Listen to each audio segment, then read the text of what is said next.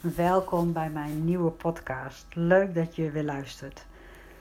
Deze podcast is getiteld Waar vind jij vrijheid? En levenslessen die ik kreeg bij een zangles. Het begon zo. Toen ik nog in de kerk werkte, deed ik huwelijken. En op een bepaald moment werd ik door een vriendin benaderd of ik haar zoon eventueel zou willen trouwen.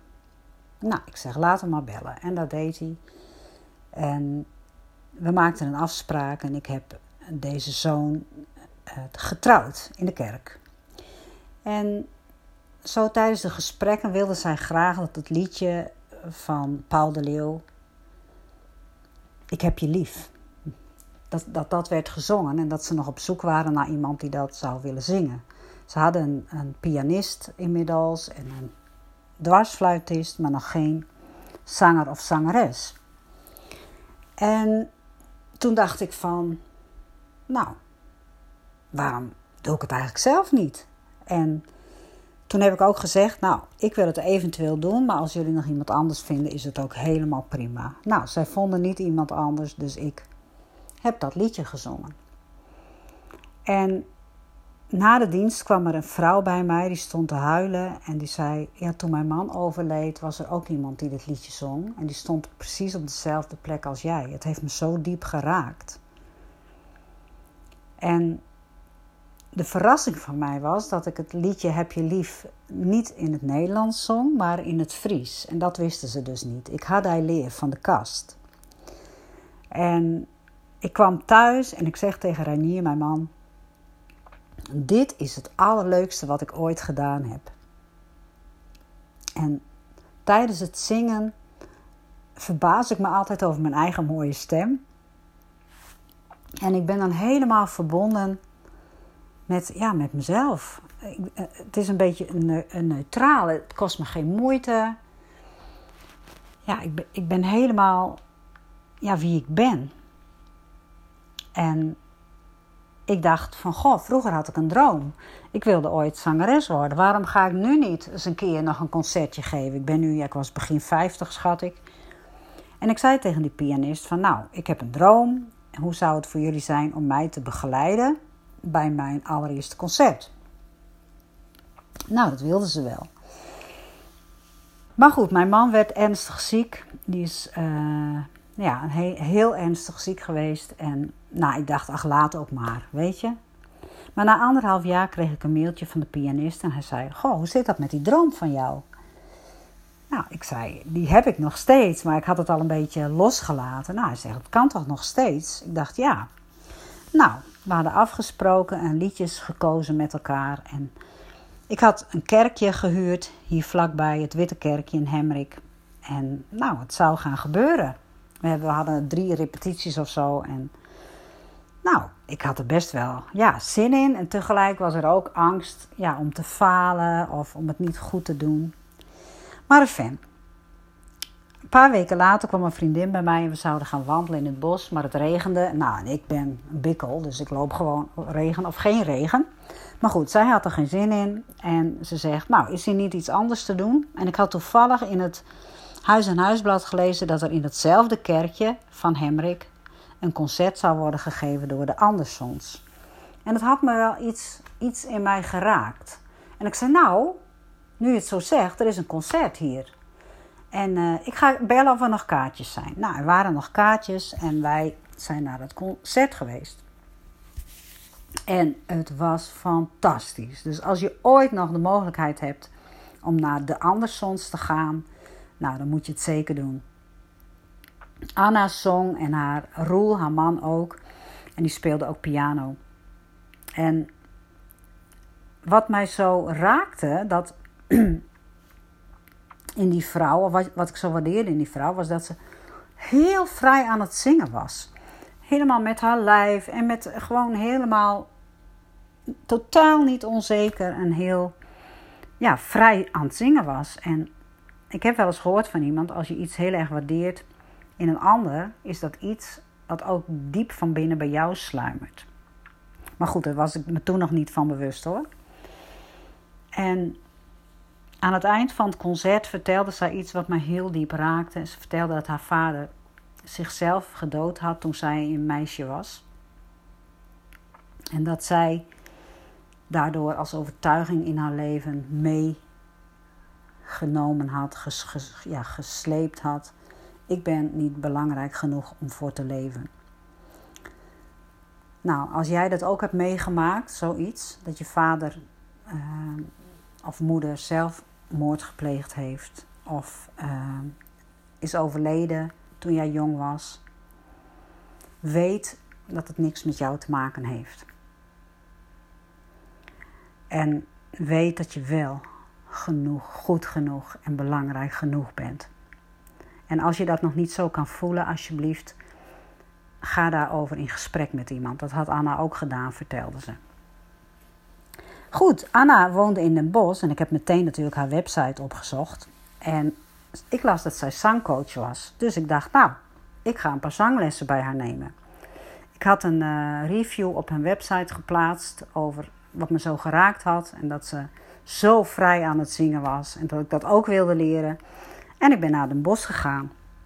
En ja, laat je dus niet tegenhouden door de afstand. Ik vlieg, ik vlieg overal naartoe. België, uh, Frankrijk, maakt me niet uit. Als ik denk, ik wil naar de beste. Of ik wil van diegene dit leren. Dan doe ik dat gewoon. En ik kwam bij Anna en ze vroeg, ja, goh, uh, je vertelde dat je tegen je man zei nadat je gezongen had: Dit is het leukste wat, wat ik ooit gedaan heb. Wat maakte het zo leuk? vroeg ze. Nou, ik zei: Ik was helemaal in verbinding met mezelf. En ik dacht niet na. En ze zei: Nee, je zit veel te veel in je hoofd. En toen zei ze: Als jij doet wat je het liefste doet, daar vind je vrijheid. En dat is een levensles die ik, die ik gewoon opgeslurpt heb of zo. Als je doet wat je het liefste doet, daar vind je vrijheid. Want ik ben helemaal van de vrijheid. Dus natuurlijk dacht ik, ik ben niet goed genoeg naar het concert. Ik denk, jeetje, wat kan deze vrouw zingen? En och, dan moet ik ook nog een keer over een paar weken. En ik, de moed zakte me bijna in de schoenen. Maar ik dacht, nee, ik moet het omdraaien. Ik ga gewoon naar haar toe om van haar te leren. En zij zei: Als je nu straks de deur uitgaat, dan zeg je tegen jezelf: Ik ben een zangeres. Want hoe kun je nu vrij zingen door de randvoorwaarden te scheppen? En ze zegt natuurlijk: Ik heb jaren gestudeerd, maar je moet sowieso uh, je stem opwarmen. Je moet de randvoorwaarden scheppen. En ja, dat, dat vond ik zo mooi, want ik warm nooit op met mijn stem. En ze zegt ook, tijdens de les zei ze ook: je moet onthouden dat alles er al is. En ergens diep van binnen weet je dat. Als jij zegt: Dit is het leukste wat ik ooit heb gedaan. Dan weet je ook dat je daar heel veel dus plezier uit haalt. En ze zei ook steeds: zoek het plezier op en niet de ernst. En ik ben natuurlijk best wel heel ernstig eigenlijk. Met mijn werk en met alles wat ik misschien in deze podcast ook inspreek. Maar als jong meisje was ik best wel heel uh, uh, grappig. En dan deed ik toneelstukjes. En ja, was ik ook heel erg uh, licht. En, en hield ik van theater. En, nou, en ik denk dat ik daar wel weer wat meer van mag terughalen in mijn leven. Want ik wil ook graag vrij zijn. En als zo'n zangdocent zegt: Als jij het leukste doet wat je ooit hebt gedaan, dan heeft dat te maken met vrijheid. Dus, dat waren de lessen van Anna Anderson. Schep de randvoorwaarden, zoek het plezier op en niet de ernst. En je moet onthouden dat alles er al is. Ergens weet je het. Ergens op jouw harde schijf, zeg ik dan wel eens tegen mensen, staat het geschreven. Haal het naar boven. En als je zegt, dit is het leukste wat ik ooit heb gedaan, dan vind je daar jouw vrijheid. En ik zei dat ik het zo heerlijk vond, omdat ik helemaal in contact was met mezelf. En van Anna leerde ik dat het een kunst is om niet te scheiden wat je op het podium doet en voelt en wat je in je normale leven doet. Dus heel veel mensen die ik train, die zeggen het allermoeilijkste vind ik om in contact met de ander bij mezelf te blijven. Nou, en dat is voor mij ook een leerproces. Dus de kunst om niet te scheiden wat ik op het podium voel en ervaar en wat ik in mijn dagelijks leven voel en ervaar. Er kwam ook nog uh, iets voorbij wat ze tegen mij zei, omdat ik het liedje zong van Ramses Shaffi, Laat me. Toen zei ze, waarom vind je dit liedje zo mooi? Nou ja, ik zeg, laat me mijn eigen gang maar gaan. Nou, ze zegt, wanneer doe je dat dan niet? Of wanneer doe je dat wel? Vroeg ze eerst. Nou, ik zei, ja, als ik alleen ben. Nou, en als je dan met je man bent, ja, ja, dan doe ik het ook wel. Maar ik merk toch dat ik me altijd wel aanpas. En bij andere mensen helemaal.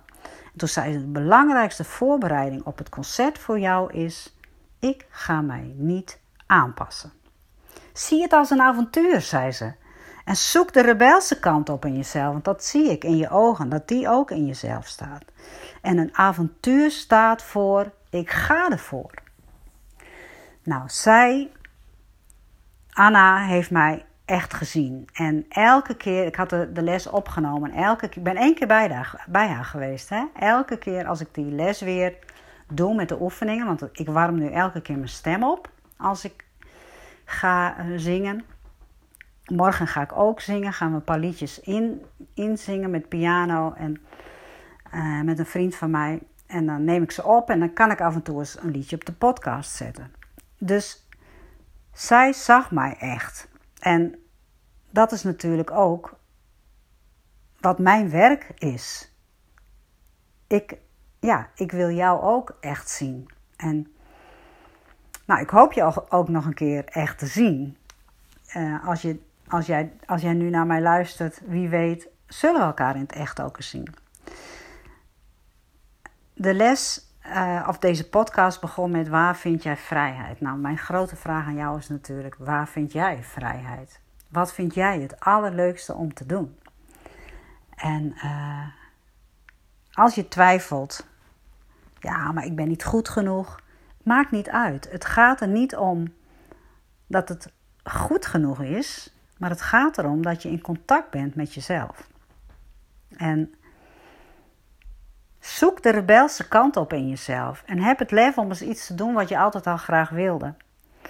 En zoek het avontuur op. En het avontuur staat voor ik ga. Tot morgen.